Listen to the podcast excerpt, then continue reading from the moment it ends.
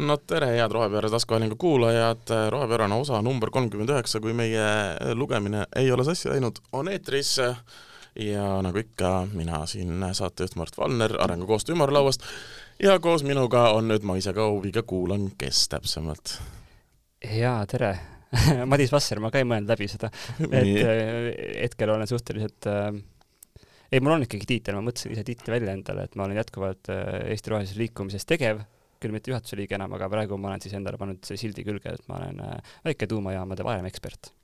väiketuumajaamade vanem, Eesti ainuke väiketuumajaamade vanem ekspert. Äh. kõige vanem äh,, ainukene ekspert tõesti äh,. ei, tegelikult see ratsionaalse taga oli see, et kuna väiketuumajaamadest väga palju ei teata üldse, siis äh, väga lihtne on olla vanem ekspert ja, ja nii ma siis olen. aga teadlikkus on äh, muideks äh, tõusnud, sinna me jõuame äh, ka Keskkonnaministeeriumi ühe uuringuni, mis näitab, et tegelikult minu meelest, kui ma ei eksi, seal uuringus oli üks punkt, mis ütles, et ka, et inim-, inimesed, kellel on väga kuidagi sisuline teadmine tuumaenergeetika toimimisest ja neid inimesi on no ikka paarteist protsenti Eesti ühiskonnas, kes on nagu põhimõtteliselt tuumaeksperdid. Need on need noorem eksperdid Need on noorem eksperdid, jah. kuule, aga Eesti Roheline Liikumine valis endale uue juhatuse, eks ole juhatuse liikmeks äh, üheks vähemalt sai Züleyxa Izmailova äh, ja vahepeal toimus tšiki-priki-pumm-pumm-pumm ja Züleyxa Izmailovast sai Riigikogu liige, mis ERL-i juhatuses toimub? ma ei tea, ma enam ei ole seal, ma arvan, et need tulevad huvitavad arutelud nüüd, et kas valitsusväline organisatsioon saab omada enda juhatuses valitsust või mitte või siis äh, Riigikogu esindajat äh,. jah, ma nägin seda ohtu juba enne, noh, et see võimalus oli ju täitsa reaalne, et äh, nii läheb äh,. ma ei, ma ei näinud kõiki neid skandaale ette, mis mm, -hmm. mis sinna viivid, viivad, aga, aga jah see saab olema igal juhul huvitav, võib-olla midagi ei muutu, siis on just Erli seisukohad jõuavad väga kiiresti väga kaugele.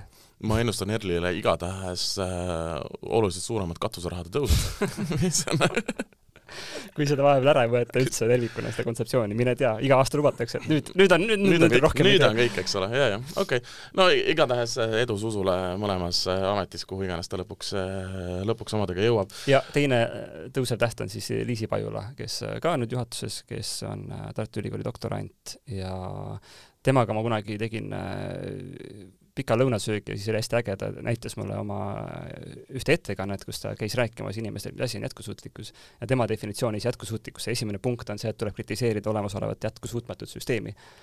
et see oli nagu väga muljetavaldav, et, et see definitsiooni osa on see, et, et öelda, et tänane süsteem ei ole jätkusuutlik, saad aru? okei okay,, no ma siin võib-olla natukene Äh, vaidle vastu, kas lihtsalt kritiseerimine kritiseerimise no, pärast peab olema mingisugune esimene punkt, aga okei okay,, nii, see selleks. sa, et kui sa seda ei tee, siis sa tegelikult ei räägi jätkusuutlikkusest, sa räägid nagu mingist äh, rohepesust. jaa.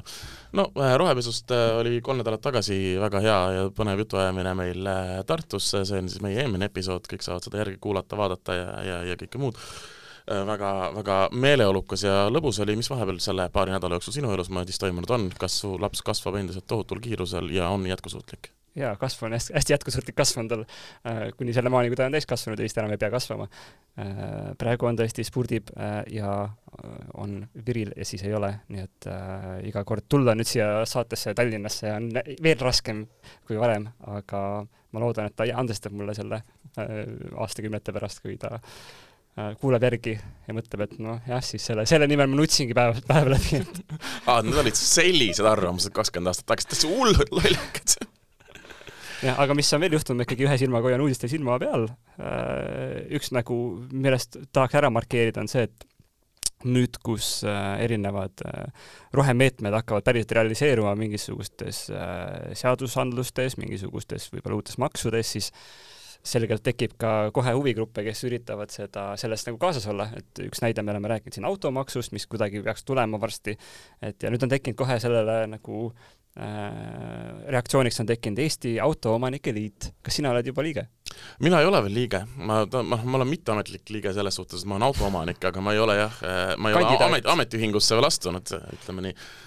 et äh, nii palju, kui ma ühte artiklit olen nende kohta lugenud, nende eesmärk on ikka siis osaleda automaksu debattides äh,, üks selge seisukoht on see, et kui sul on palju autosid, siis neid kõiki ei tuleks maksustada äh,. mõnes mõttes kõlab mulle nagu niisugune nagu maksuvaba, maks, tulumaksuvaba miinimum, et on nagu mingi summa, millest äh, peab üle minema, on ju, et üldse maksustatakse, et võib-olla Eestis juhtub ka nii, et sul on nagu, nagu miinimumarv autosid, mis on okei. Okay kaks on normaalne, kolmas läheb siis maksu alla või on niimoodi, et, et esimene maksu alla, ülejäänud on kõik vaba.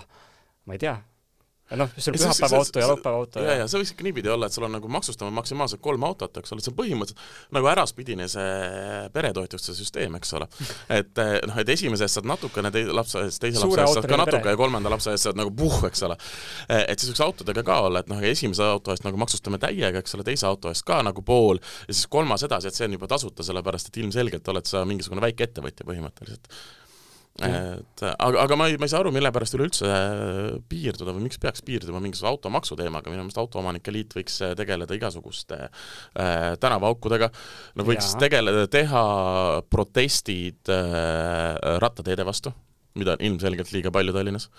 Äh,, siis äh, võiks äh, samamoodi teha proteste raudteeliikluse vastu, näiteks parkida, parkida ülesõidukohad kinni, sellepärast et mina tulin trammiga täna siia, noh. noh, aga kui seal trammitee peal oleks olnud auto ees, siis sa ei oleks saanud trammiga tulla ja noh, see lihtsalt praegu, see on autovaenulik keskkond, mida me ehitame ja minu meelest on viimane aeg, et on loodud organisatsioon, mis nagu teeb seda autosõbralikumaks. näed, ja kui sul on igal pool, kus sul on mingi äh, liikumine, vastuliikumine, et Tartus näiteks on loodud Tartu rattaliiklejate selts, kes noh, võib risti vastupidi neid asju nõuda, mida sa just nagu mainisid, et see on huvitav vaadata, kuidas siis need äh, äh rahvaliikumised arenevad ja ja mingit mõju avaldavad, see tundub nii, et kui ükskõik milline uus nagu roheregulatsioon tuleb, osapooli, keda kaasata nagu organisatoorsel tasandil saab varsti olema nagu mustmiljon, et sul on iga, ma ei tea, plastiktopsi mingi tasu, Eesti Plastiktopsi Omanike Liit tuleb ja hakkab ütlema, vabandust, vabandust äh,, ikkagi see eelmise korra nali, et äh, Valdo Randperel on see plastiktops seal taaskasutatava topsi sees, et äh, et kas tal on õigus ikka seda omada ja miks tal ei ole kaks topsi seal isegi? ma arvan, et äh, ainuke, ma, mina jään rahule, kui see asi lahendab ennast äh, ikkagi niimoodi, nagu niisugune vana hea äh, mingisuguse kaheksakümnendate see Äh, muusikali lõpu fight, kus kaks äh, autoomanike liit ja jalgratturite liit teevad äh, selle tantsu battle'i omavahel selle peale, kes võidab. panevad joonele? nojah, see ja siis, siis lihtsalt selle punkti lõpetuseks, ma loodan, et arutelud lähevad hästi süvitsi ja siis hakatakse mõtlema, et aga mis on ühe auto keskmine kiirus, üks niisugune tehnoloogiakriitik oli kunagi nagu Ivan Illich, kes arvutas välja, et et keskmiselt auto sõidab umbes nagu viis kilomeetrit tunnis, sest et kui sa arvutad sisse selle aja, mis ta seisab mm, -hmm kogu sinna elutsüklisse, siis põhimõtteliselt see aeg, mis ta vahepeal sõidab, sajaga, aga siis sa arvutad selle ülejäänud suure osa päevast, kus ta seisab, ja siis võtad keskmise, siis on nagu umbes viis kilomeetrit tunnis, et jala jõuad kiiremini. ma ütleks, et see on isegi palju, päris palju, sellepärast et kui ma alles tulin siin äh, mõni aeg tagasi äh, Noblessnerist äh,, sõitsin Peetrisse läbi Tallinna ummikute, siis pärast Bolt Drive näitas mu keskmiseks kiiruseks üheksa kilomeetrit tunnis kogu selle tee peale ja ma liikusin enda arust kogu aeg või noh, kirusin kogu aeg, natuke aega liikusin ka vana aga..., vana inimene kepi kõndis mööda siis kogu aeg. niisugune tunne küll, jah. aga mina käisin vahepeal Brüsselis äh, seal Tigri Oht konverentsil ehk siis rääkimas sellest, mis saab kasvujärgsest ajastust Euroopas. sa käisid rääkimas? ma käisin kuulamas olgu, natukene kolleegidega samal ajal kõrval rääkimas ka, eks ole, sest nagu ikka konverentsidel nagu öeldakse, kuidas eestlase ära tunned, eestlased on ikka seal konverentsil ühes nurgas räägivad omavahel eesti keeles, eks ole, et siis sai nagu juttu rääkida, ega uusi kontakte ei ole vaja teha. aga siis see oli väga huvitavad arutelud just nimelt jah, sellel teemal, et Äh, millega peaks äh, sisemajanduse kogutoodangut äh, asendama, missuguse numbriga, missuguse õnneindeksiga ja kuidas seda teha niimoodi, et see oleks päriselt kõikide mm, inimeste jaoks, missugune õnneindeks on tegelikult ka aus inimeste jaoks, ütleme niipidi. ja missugune õnneindeks või midagi sellist, mis ei oleks seotud või paralleelsüsteem ikkagi praegusele SKP-le, et kas meil on võimalik kuidagi sellest majandusmudelist ennast ka kõrvale, kõrvale, kõrvale saada. loomulikult teise külje pealt oli see lihtsalt kolm päeva, kus kaks tuhat inimest plaksutasid üksteisele ja rääkisid, et jah, see on väga tore mõte. ja siis läksid koju tagasi et noh, kahjuks äh, tihtipeale sellisel, õnneks toimus see Euroopa Parlamendil, äh, see parlamendivälisel ajal, nii et äh, MEP-idel ei olnud, see ei seganud nagu nende igapäevatöö, eks ole, et ei olnud vaja, nagu poliitikakujundajatel ei olnud vaja kohapeal olla. jah, nad olid beyond this topic. no aga vähemalt sa tulid tagasi ja mainisid, niisugune asi on olemas, nii võib-olla keegi läheb ja kuulab järgi sest ma saan aru, et see salvestati. absoluutselt, see on täiesti võimalik, ma soovitangi siiralt kolm päeva kokku, ma arvan, et saab mingi nelikümmend tundi väga äh, süvamaterjali kuulata, nii et äh, miks mitte äh,. ma ei tea, kas ülekandes subtiitrid olid, sellepärast et taaskord ikkagi mingisugune, mõne äh, lõunaeurooplase inglise keelt kuulata ettekandes on, on lihtsalt äh, omaette lõbu. aga see selleks äh,. ma ei tea, kas liigume selle põhiteema juurde tänase juurde edasi või äh,? jah. jah, et me ei ole siin kahekesi. just. nii meiega on äh, liitunud äh, siis äh, ajendatuna ühest uudisest, mida jällegi poole silmaga ma nägin, pealkirja tasandil oli see, et Fridays for Future Eesti on lõpetanud reedesed streigid. Ja siis see oli niisugune pommuudis, et me kohe äratasime üles aktivisti äh, oma hommikusest uinakust ja tallutasime ta saatesse, nii et meiega on äh, liitunud tõesti kolmas inimene, kelle nimi on Marta. Marta on tulnud meiega rääkima, et äh, mis on selle otsuse tagamaad, äh, mis sinna viis, kuidas üldse on olnud need neli aastat äh, streikida, mis selle aja jooksul on juhtunud ja muutunud või ei ole muutunud. Ja ja ma ei tea, alustame siis lõpust, et miks, miks siis nii, miks, miks reedeti nüüd, ma ei tea, lähete, õpite edasi või mis teete nüüd reedeti? edasi me kindlasti ei õpi, aga kunagi, kui FFF alustas, siis idee oli püüda valitsuse tähelepanu äh, sellele kliimamuutuste probleemile.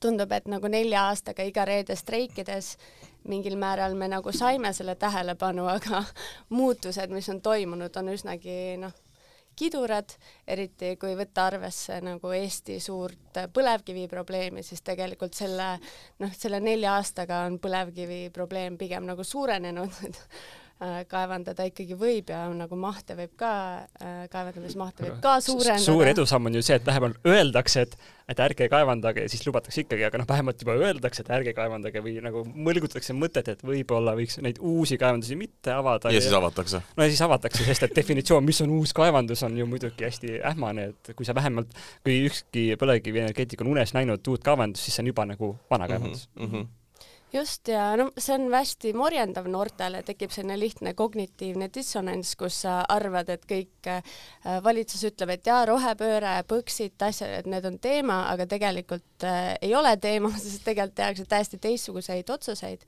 siis nagu aktivism peaks olema see vahend, kuidas äh, jõuda valitsuseni, aga tundub, et valitsuseni või nende nagu liikmeteni on nii keeruline jõuda, et pigem peaks äh, kogukondi võimestama, peaksime nagu tegelema rohkem noortega, keda kotib ja kes tahaksid mõelda võib-olla natuke radikaalsemalt, äh, neid kokku koguda, rääkida nendega aktivismi võimalustest, kirjutasime ühe Erasmus pluss projekti, saime raha, mõtleme, kuidas äh, noori kokku tuua, panna neid mõtlema keskkonnateemadele ja noh, päriselt siis kuidagi äh, muuta ilma süsteemis osalemata.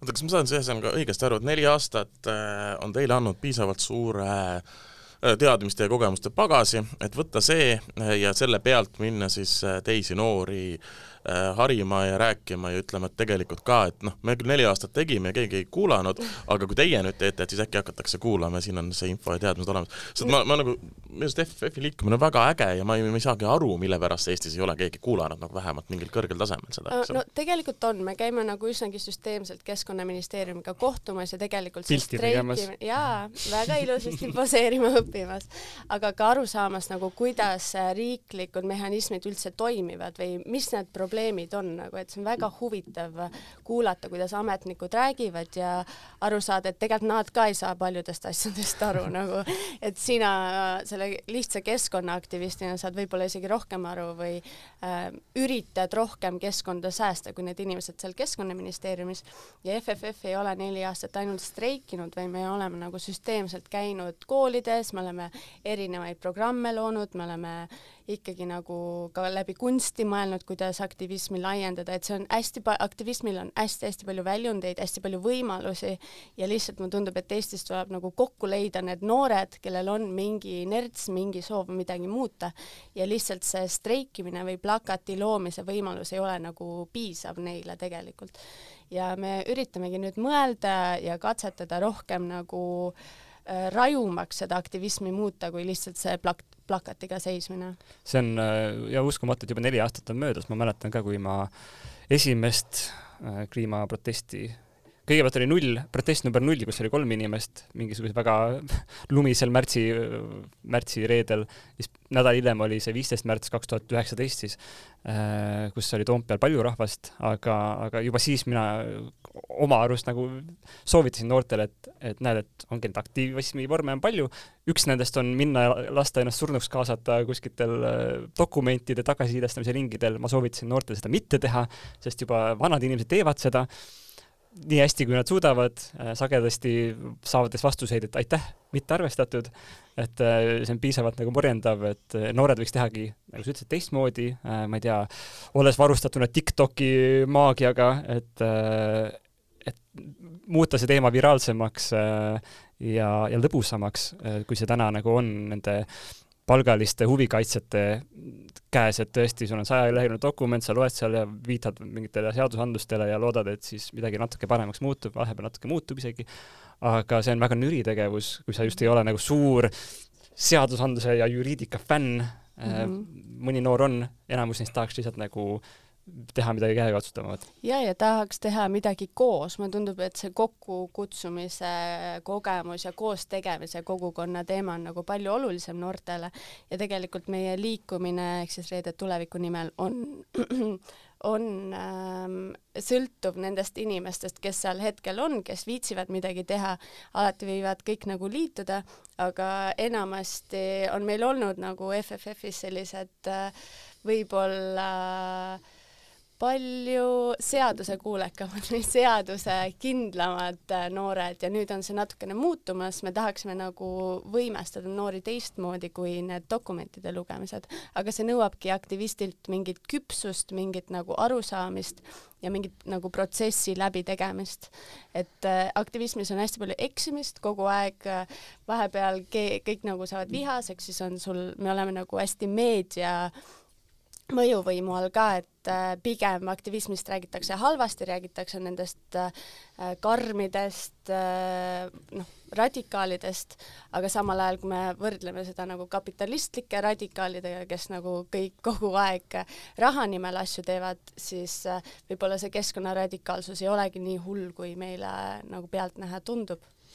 eks seal kindlasti ongi see, et ega meedia piiri ületada tuleb teha midagi äh, teistsugust ja kui sa teed midagi teistsugust, siis sa, sa, sa ei saagi alati kindlasti ainult positiivset tagasisidet sinna. jaa, ja me hakkame tegema tegelikult demokraatiatrenni Linnaruumi festivalil, kus me kutsume kokku igast erinevatest äh, koolidest noored, kes siis äh, hakkavad äh, graafiteid tegema, TikTok'e äh, hakkavad petitsiooni kirjutama, ehk siis nende sellist äh, demokraatia muskleid arendama, nii et äh, see, need on musklid, mida me kõik peaksime kogu aeg aktivistidena või üldse tavakodanikena ava, nagu tugevdama ja aga kes siis sinna järgmisse mitte uude kaevandusse ennast äh, ikkagi kinni siduma läheb, kui teie seda ei tee enam? meie, me ikka meie ka. ta on... just ütles, et äh, just lähevad nagu sinna piiri, piirialadele. trenni tegema, nad teevad Tiktoki sellest, kuidas seal on protest on nagu möödapääsmatu osa, osa demokraatiast, see on see, et Eesti protestikultuur täna on nii olematu mm, -hmm. see on, see ei ole noorte süü, noored saavad seda muidugi maailma kogemusest, ma loodan nüüd nagu tuua Eestisse tagasi. ja, ja me ei jäta streiki, just me teeme ka meister Jaaniga biite ja siis mõtleme sinna peale erinevaid mhm. hüüdeid, nii et äh, mida saab kasutada, et tegelikult äh,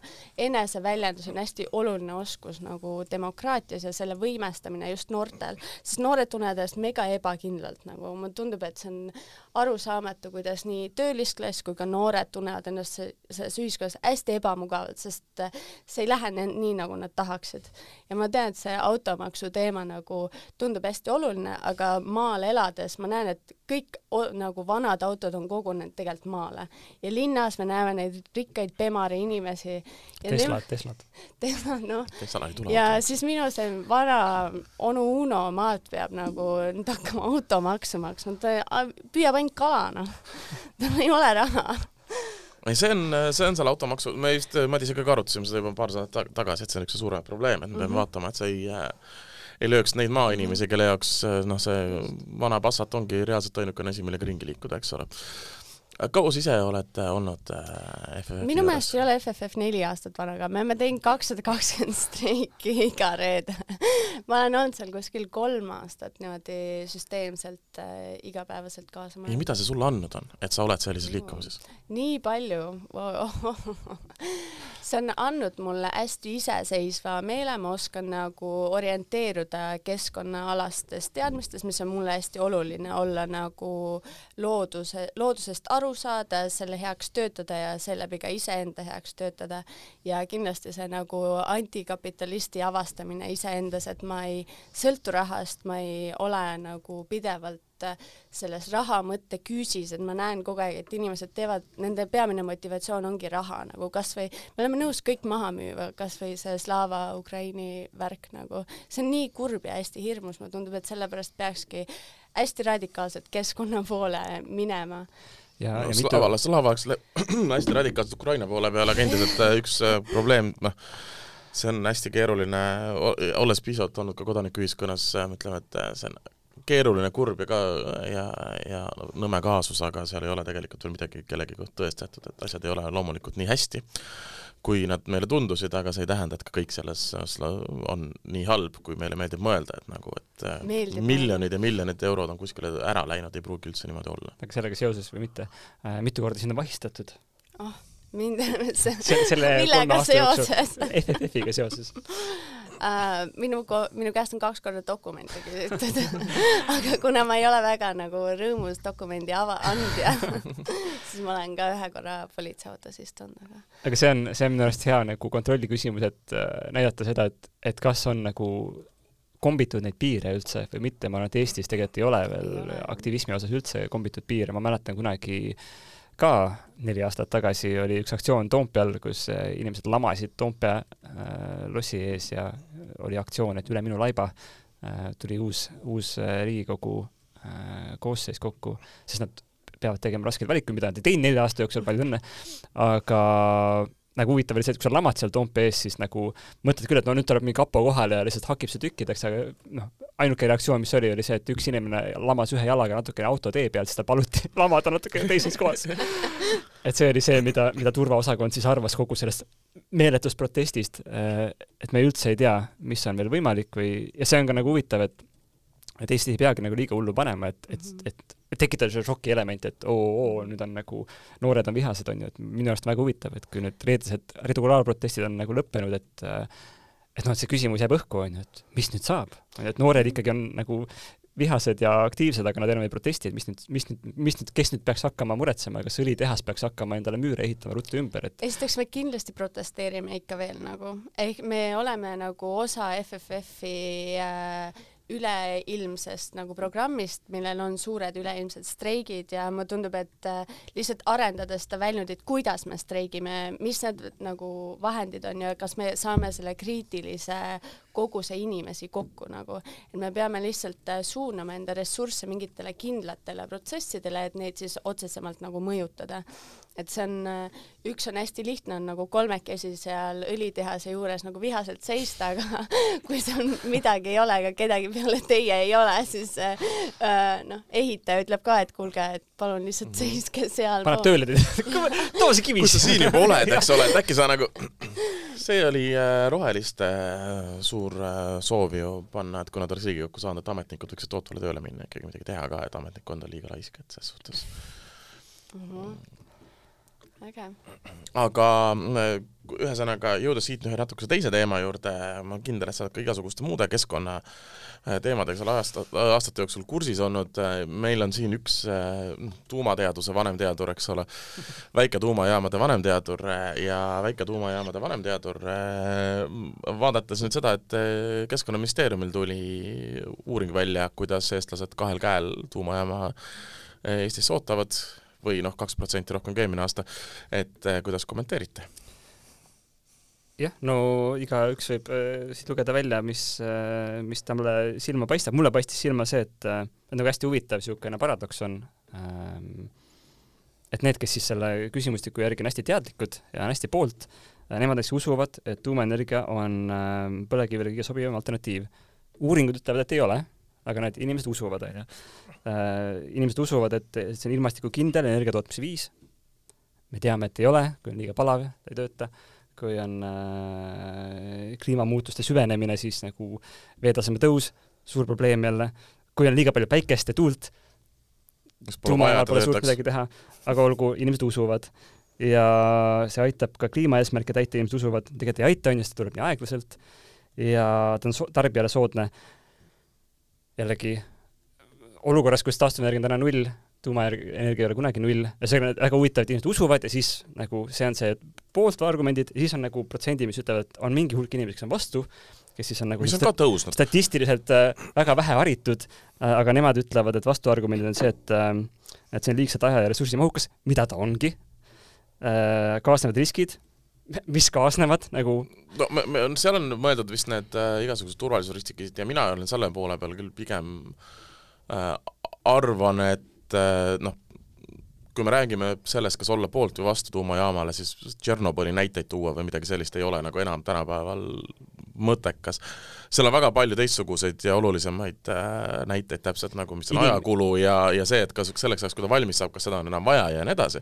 aga ütleme, et noh, selline reaalselt, et ta kohalikku looduskeskkonda häiriks või, või et noh, seal mingi katastroof juhtub või see ei ole tegelikult nagu reaalne argument enam sama katastroof kindlasti ei usu, aga midagi muud võib juhtuda, ühesõnaga huvitav vist oli nende uuringute puhul, et see, kes on vastu, need hästi raamistatakse, et nad ei tea asjast midagi, kuigi kui me vaatad neid argumente, miks nad on vastu, need on päriselt argumendid ja inimesed, kes on poolt, lihtsalt usuvad, et äkki mm -hmm. läheb nii mm. -hmm. ja selle pealt siis nagu riik teeb mingeid järgmisi otsuseid, samal ajal riik ise kommunikatsiooni ei tee äh,, vaid, vaid lihtsalt äh, vaatab, mis olukord turul on ja see on see, mis äh, on võib-olla suurim nagu miinus ja nüüd ongi keskkonnaühenduste roll ka, et mis, mis kommunikatsiooni siis ise teha ja ma mäletan, ma olen kunagi FFF-ile ka teinud ettekannet, et mida noortele anda vähemalt nagu kahte, kahte poolt sellest, sellest argumendist, et ma ei tea, see on huvitav küsimus, et äh, Eestis on olemas ka jälle liitude ja, ja organisatsioonide juurde tulla, et on olemas Eesti tuumanoored.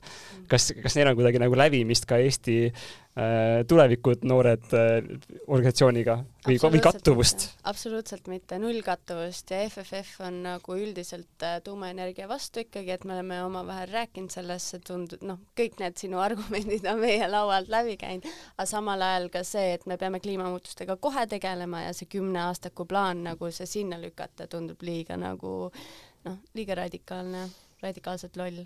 ja, ja mingi hetk tagasi käis meediast läbi, et aga Greta Thunberg ju toetab, et see on jällegi kontekst on see, et äh, Rootsi, kus tema elab, seal on juuma, tuumajaamad juba olemas. Ja siis ta on öelnud, et noh, kui nüüd juba on, eks ju, ärme siis päevapealt kinni pane, aga, aga palun ärme tee kogu seda üleminekut tuuma peal. aga see ongi väga oluline diskussioon ka, minu meelest me sinuga ka juba, me oleme seda tuumajaam, tuumajaama teemast vist paar korda rääkinud, aga, aga, aga ma mäletan ka väga selgelt seda, kuidas me arutasime, et kui Eestis oleks töötav tuumajaam, siis meil ei oleks suure tõenäosusega keskkonnakaitsjat, kes ütleks, et seda tuleb kohe nüüd kinni panna mm. -hmm küsimus on selles, kas me oleme praegu õigel hetkel, et hakata seda endale ehitama. ja arendama ja planeerima ja mõtlema, kogu ja. ressursse sinna panema. et kui meil on vaja kaks tuhat kolmkümmend, oleme me nii-öelda kliimaneutraalsed äh, energeetika poole pealt, eks ole, või noh, toodame sama palju, kui me tarbime per mingi aasta või mis iganes, siis, siis kui me, kui me juba suudame taastuvenergiaga ära toota sama palju aastaks kaks tuhat kolmkümmend, siis miks me peame kaks tuhat kolmkümmend viis avama tuumajaama sinna juurde minu arust suur küsimus. ja nüüd ongi, just nagu tänane olukord on see, et Soome uus tuumajaam täna ei mahu turule. et kuidas siis nagu veel järgmised tuumajaamad mahuvad, et niisugune kummaline müstiline paradoks. mahuvad, kui me suudame tõsta energiatarbimist ja ei, ei arenda samal ajal taastuvenergiat. see on tõsi, jah. kui me lihtsalt kümme aastat nagu paneme tuimalt nagu elektriautosid ja ühtegi taastuvenergia lahendust juurde ei ehita, siis mahuvad tuumajaamad väga ilusti turule ära. see on päris hea plaan. ole halb plaan, puu no nii, mingi aktivism Te toimub siin. Te lõõbite nii palju, et see on hirmus. ei saa enam aru, mis on tõsi ja mis on nali. tõsi, tõsi, see on, äh, see vähemalt viimati, kui me Tartus tegime, siis oli võimalik nagu videos vaadata ka.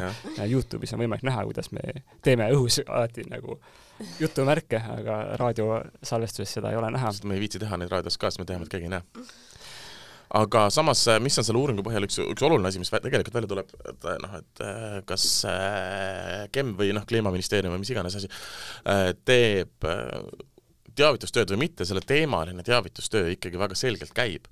Sest et üks oluline asi on ikkagi see, et vähenenud on, on ligi viis protsenti nende inimeste osakaal, kellel ei, ei ole arvamust, kas tuumajaam peaks tegema või mitte.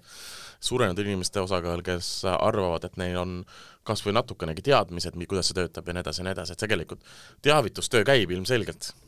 ja teavitustöö käib ilmselgelt just noh, tegelikult reaalsuses ühiskonnas suhteliselt ühe poole peal, eks ole mm. -hmm. Fermi Energia postitab iga kord sinna Ida-Virumaa Facebooki gruppi erinevaid äh, postitusi, kuidas tuumaenergia on hästi äge nagu, et see on väga hirmus jälgida nagu neid diskussioone, mis Ida-Virumaa Facebooki gruppides toimuvad. no Ida-Virumaal on kõige suurem vastasseis ka vist selle vastu, aga noh, seal on ka see selleks see ei toimi vist, mis nad teevad. ei no aga see on arusaadav, et samas Ida-Virumaal kõige suurem vastasseis ka igasuguse ta, ka taastuvenergia vastu, sest et neil on noh, lihtsalt konkreetselt, eks ole, minu isa ja minu vanaisa töötasid kaevanduses ja nagu ma tahan töötada kaevanduses kui sa küsid, nagu, et kui sa küsid Ida-Virumaa inimeselt, et kas tuumajaam on alternatiiv põlevkivile, siis ta vastab, et mis alternatiiv põlevkivile yeah.. miks? Miks on vaja põlevkivile alternatiivi, siin on töökoht. tegelikult ma arvan, et ka ei ole nii. Mirjam Mõttus minu arust tegi mingi selle kaevurid, sellise dokfilmi mm -hmm. ja käis äh, rääkimas äh, kaevuritega, nad ütlesid, et kui anda neile pädev ümberõpe, nad, nad tahavad lihtsalt tööd teha nagu, et tegelikult see põlevkivi, nad ei ole põlevkivi usku nagu, see on lihtsalt see, mida äh, see Mirjam Mõttus nagu, kuidas ta seda intervjuud üles ehitus oli, et teie ju tunnete,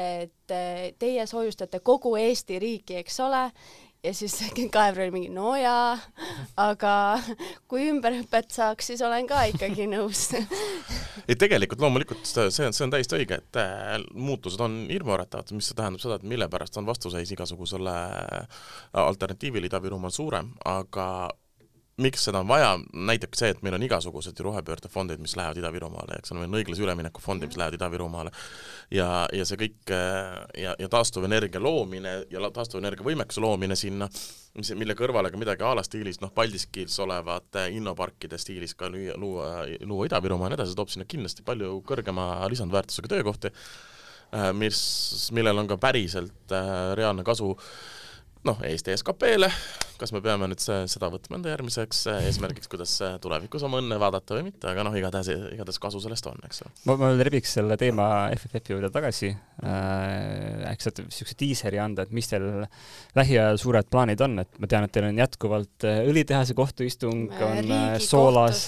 ja Riigikohtusse äh, jõudsime enda õlitehase jauruga, et see on ka e, nagu üks res-. miks te ei lase ehitada head asja? ja üks koht, kus hästi palju meie ressursse on läinud, läinud, on see esiteks, et oleks see avalik huvi õlitehase teemadel, aga seda on nii keeruline tekitada, sest see on nagu raske teema. ja nüüd ühesõnaga me oleme jõudnud Riigikohtusse ja nüüd minu meelest homme on ka õlitehase keskkonnamõjude hindamise selline äh, istung. homme on kakskümmend kolm mai, õhtult kakskümmend kolm. jah, et täpsustame selle asja, et salvestame esmaspäeval kakskümmend kaks mai hetkel, eks ole. ahah, Äh, jah, et ähm, me tegeleme, läheme Riigikohtusse, otsime raha jälle selle jaoks, et äh, sellega tegeleda.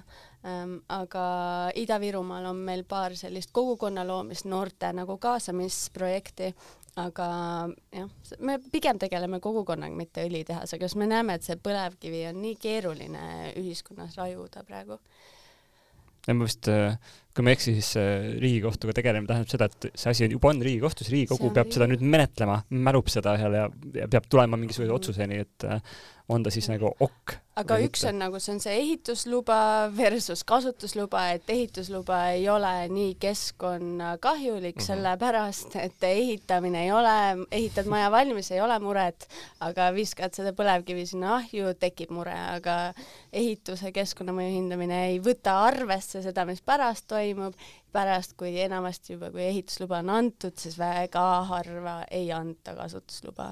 ma kujutaks ette seda kaasust, kus on nagu okei okay,, me ehitasime siia nagu selle suure tehase, kõik on nagu valmis, aga ei äh,, tegelikult teeks hotelli või midagi, et noh. ma just oma peas elamuskeskus. inspektor ütleb kohe mingit aga te tahate tööle ka panna seda või? oi ei, seda ei saa, seda ei saa lubada kahjuks, et me üldse ei arvestanud sellega, et te tahate seda käitlema hakata. ma mõtlesin, et varast harjumusest ette siin mingit äh, jaamu ja, ja ja siin oli mingi vaatega koht, siin ei olnud ühtegi tehast ees, eks ole, et nüüd on nagu ikkagi oleks nagu Ida-Virumaa vaade, et tegime tehase ette. selles, selles teemas minu arust hiljuti oli, äh, kas riigikontrolör ei saatnud järelpärimist mingisse ministeeriumisse, et äh, noh, et olud on muutunud, et kuidas selle õlitehasega on, et on ta ikka mõistlik veel või või minu arust seal üks küsimus oli ka, et öelge mulle nüüd täpselt, kuidas see muutub viieteist aasta pärast või millal ta muutub keemiatehaseks mm. -hmm. kuigi nagu see blueprint, mida, mille järgi ehitatakse, on vana hea klassikaline õlitehas ähm,. huvitav oleks näha, mis sealt vastu tuleb hirmus on näha, mis sealt vastu tuleb, sellepärast et äh, kui uusi kaevandusi avatakse, siis ei tule sealt see on ka vanast harjumusest. just, tegelikult äh, Madis Kallas ka kirjutas, et äh, ja et tegelikult me ei tohi kohe lihtsalt lõpetada põlevkivi kaevandamist. see ei ole kohe tulnud nagu, see on olnud kümme aastat, me oleme rääkinud Põxitist, see on nii hirmus nagu, kuidas poliitikud saavad sellised olla, mina ei tea noh. oh oh. me oleme ka sõnatud. ühesõnaga, see ei ole veel kriis, on ju, see ei ole veel kriis. ja noh, mis hetkel ta muutub kriisiks, ongi nagu hea küsimus on ju, et kui nüüd see suvi tuleb väga kuum näiteks, kas me siis teeme selle lingi, et aa, oota, me ise panustame sinna aktiivselt ja maksame peale, et järgmine suvi oleks veel kuumem, et kas ei, peaks me oleme õnnelikud, et Eestis on lõpuks suvi ja siis on nagu uhuu et need vanainimesed, kes veel koroonasse ei ole surnud, nüüd saab neist ka lahti. jaa, me jällegi eelarve tasakaal aga ei noh, ses suhtes äh, loomulikult äh, e-, eestlaste arusaam kliimamuutusest on hästi keeruline ja, ja seda on lu-, lugedes või avades ka ükskõik missugust selleteemalise artikli kommentaariumit, äh, näiteks Delfi roheportaalis on seda alati meeldiv näha, et mida te võitlete selle vastu, meil läheb lõpuks soojemaks.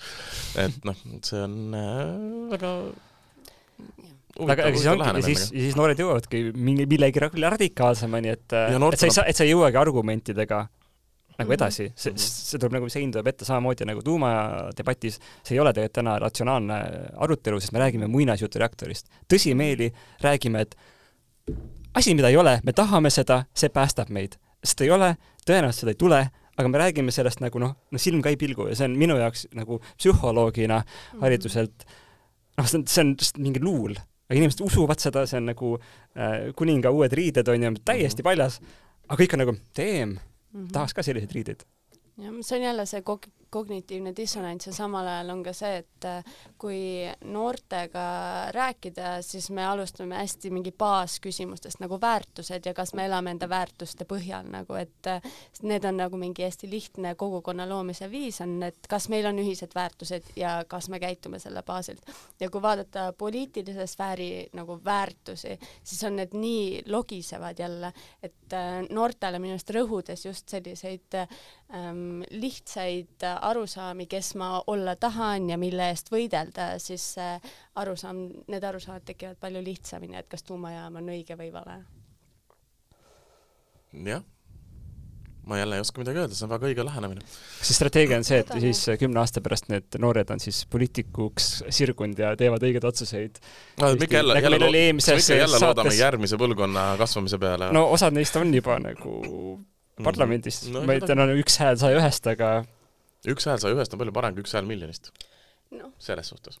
eks see poliitilisse sfääri jõudmine, ma olen nagu paljude noortega rääkinud, kes on sinna jõudnud, et see sööb su hinge suht ruttu söö, nagu seest ära ja selline hierarhia, ühiskondlik hierarhia, kas niimoodi saab üldse nagu täisväärtuslikku elu elada, on omaette küsimus ja mulle tundub, et äh, võib-olla ei pea poliitikasse pürgima, et maailma muuta, sest olulised muutused ei tule poliitikast, vaid tulevadki ühiskondlikust äh, soovist ja tahtest. me peame lihtsalt seda soovi, tahet oskama äh, kokku tuua ja läbi erinevate meetmete võidelda selle eest aga hetkel ei ole meil ühiskonnas neid oskusi, kuidas ei minu arust see, see oli praegu suurepärane kirjeldus kolmanda sektori huvikaitsjatest või midagi sellist, et nagu see ongi, see ongi see koht, kus maailm muutub.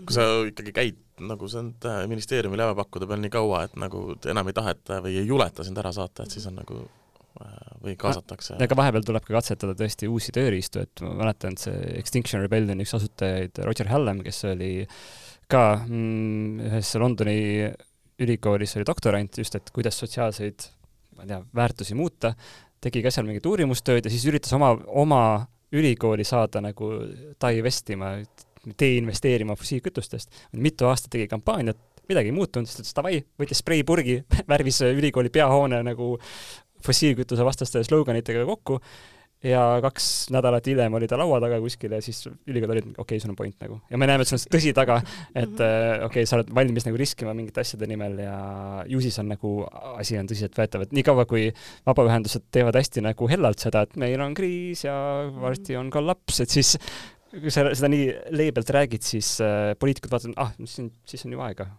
Aga kui noored lähevad ikka nagu tõsisemalt peale, mis iganes see vorm siis lõpuks on, ilmselt võiks olla midagi sümboolset ja kunstilist, aga ägedat, siis võib-olla see nii lihtne, nüüd ja, me teemegi sümboolne, kunstiline ja äge, äge. see on, see on retsept äh, eduks.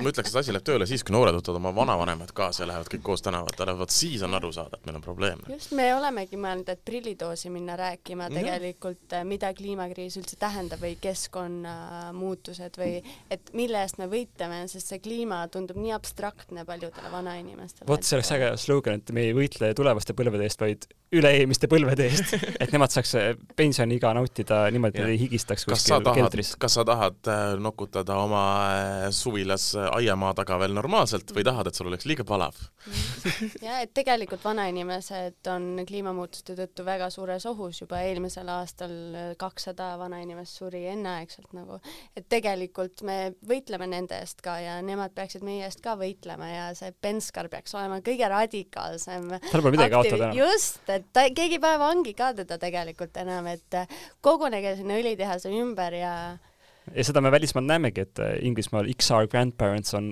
ilgelt radikaalne, nad liimivad ennast ükskõik kuhu mm. -hmm. Äh, seal on nagu noh, möödapääsmatu on rääkida nendest teemadest siis, kui sul on mingi vanaema on nagu seitsmendat päeva kämpib seal õlitehase platsi peal, ei lase ehitusi edasi minna, onju. Kristjan Michal peab minema rääkima temaga, seletama, kuidas see on tulevikumajandusel hästi mõnus, onju. ja siis äh, memm ütleb seal, et mingi, aga mu, mina ei taha seda, mu lapsed ei taha seda, mu lapselapsed ei taha seda, mida te teete? jah, ma ei kujuta ette, aga kui sa oled see politseipatrull, kes teeb lihtsalt oma tööd ja ütled, mine vii see vanaema ära sealt ja sa oled lihtsalt seal nagu, vanaema, lähme koju. ei, vanaema, come on, hakkame koju nüüd ära, see on piinlik on natuke ka juba aga see Töötaks, ongi ne? huvitav küsimus nagu, mis see politsei ülesanne selles hetkes on, et äh, kui tema on ka inimene, kellel on väärtused paigas ja mõtleb, et võib-olla see põlevkiviõlitehas ei peakski eksisteerima, siis võib-olla see politsei ühineb selle vanainimesega ühel hetkel ja mingi kuulge ja meil on vaja neid dilemmasid, et mõlemal juhul nagu, kui niisugune protest toimuks, et see mõlemal juhul see protestija võidab, et ta kas lohistatakse minema, mis on väga halb PR mm -hmm. Eesti Energiale, või ta saab seal olla, mis on väga halb PR Eesti Energiale mm. -hmm. või Eesti riigile, kes iganes see omanik on siis, kes neid ootusi täna seab. nii et tehtagu. tehtagu, väga hea. ühesõnaga järgmise paari aasta tööpõld on äh, selge ja, ja teada. Äh, loodame, et siis äh, põlevkiviõlitehast ei tule aga ma arvan, et meil on aeg tänaseks ta tuleb, ta tuleb, aga teda ei pannud öelda. no ja, ja, ja õige. sealt tuleb muuseum ja, ja lõbustuspark. elamuskeskusesse, see oleks, elamuskeskus on üles ehitatud, oleks minu arust väga äge nagu mm. -hmm. Retortis pidavat väga hästi saama skeitida, see on niisugune suur nagu mm -hmm. toru miks mitte? see on ja, jälle noorte metalltoru, kus sa küpsed ära. sealt saab, sealt saab mingisugused see ei tööta, see ei tööta. sealt saab mingi teistest fondidest veel Euroopa rahasid juurde ka, mingi noortefondid, asjad. Erasmus. ülemineku Erasmus. Erasmus pluss pluss. jah, jah aga kui kellelgi on veel küsimusi, mõtteid, ettepanekuid äh, meile või Martale. meile või Martale või keda rohepöörase saatesse kutsuda, siis äh, alati on äh, oota, kuidas FFF-i saab kooli kutsuda? Äh, ärge kutsuge kooli, tulge ühinege meiega, me oleme nagu keskkonnaliikumine, kes võtab kõiki häid päid vastu äh, fridaysforfuture.ee leiate meie selle liitumisankeedi või lihtsalt ähm, kutsuge jah meid kooli, saate sealt ka kogu info ja FFF allkriips Estonia oleme Instagramis ka mm. -mm, meil on väga äge Instagram, väga informeeriv ja TikTokis ka kindlasti? veel mitte, ongi, meil ei ole seda noort, kes nagu reaalselt oskaks TikToki teha, aga Linnaruumi festivalil me teeme keskkonnahoidlikke TikToke ja mõtleme selle peale, nii et äh, me oleme teel. Ühesõnaga, kõik FF-i puutuvad küsimused leiate sotsiaalmeediast või nende kodulehelt, kõik muud küsimustega saate pöörduda joanna.laast.delfi.ee ja meil on täna kolmekümne üheksas saade, järgmine kord nelikümmend, see on juba täiesti niisugune adekvaatne number, saame ette vaadata, et kas me oleme saavutanud oma elus selle, mis me oleme tahtnud olla neljakümnenda sünnipäeval, vaata, et või, või jah, või, või lõpetame ka tegevuse või lõpetame ka tegevuse ära vaatame, väga põnev. jah, aga siis äh, tänaseks äh, lõpetame, aitäh äh,, väike moodulrektorite vanemteadur Madis. ja aitäh, Marta! aitäh teile!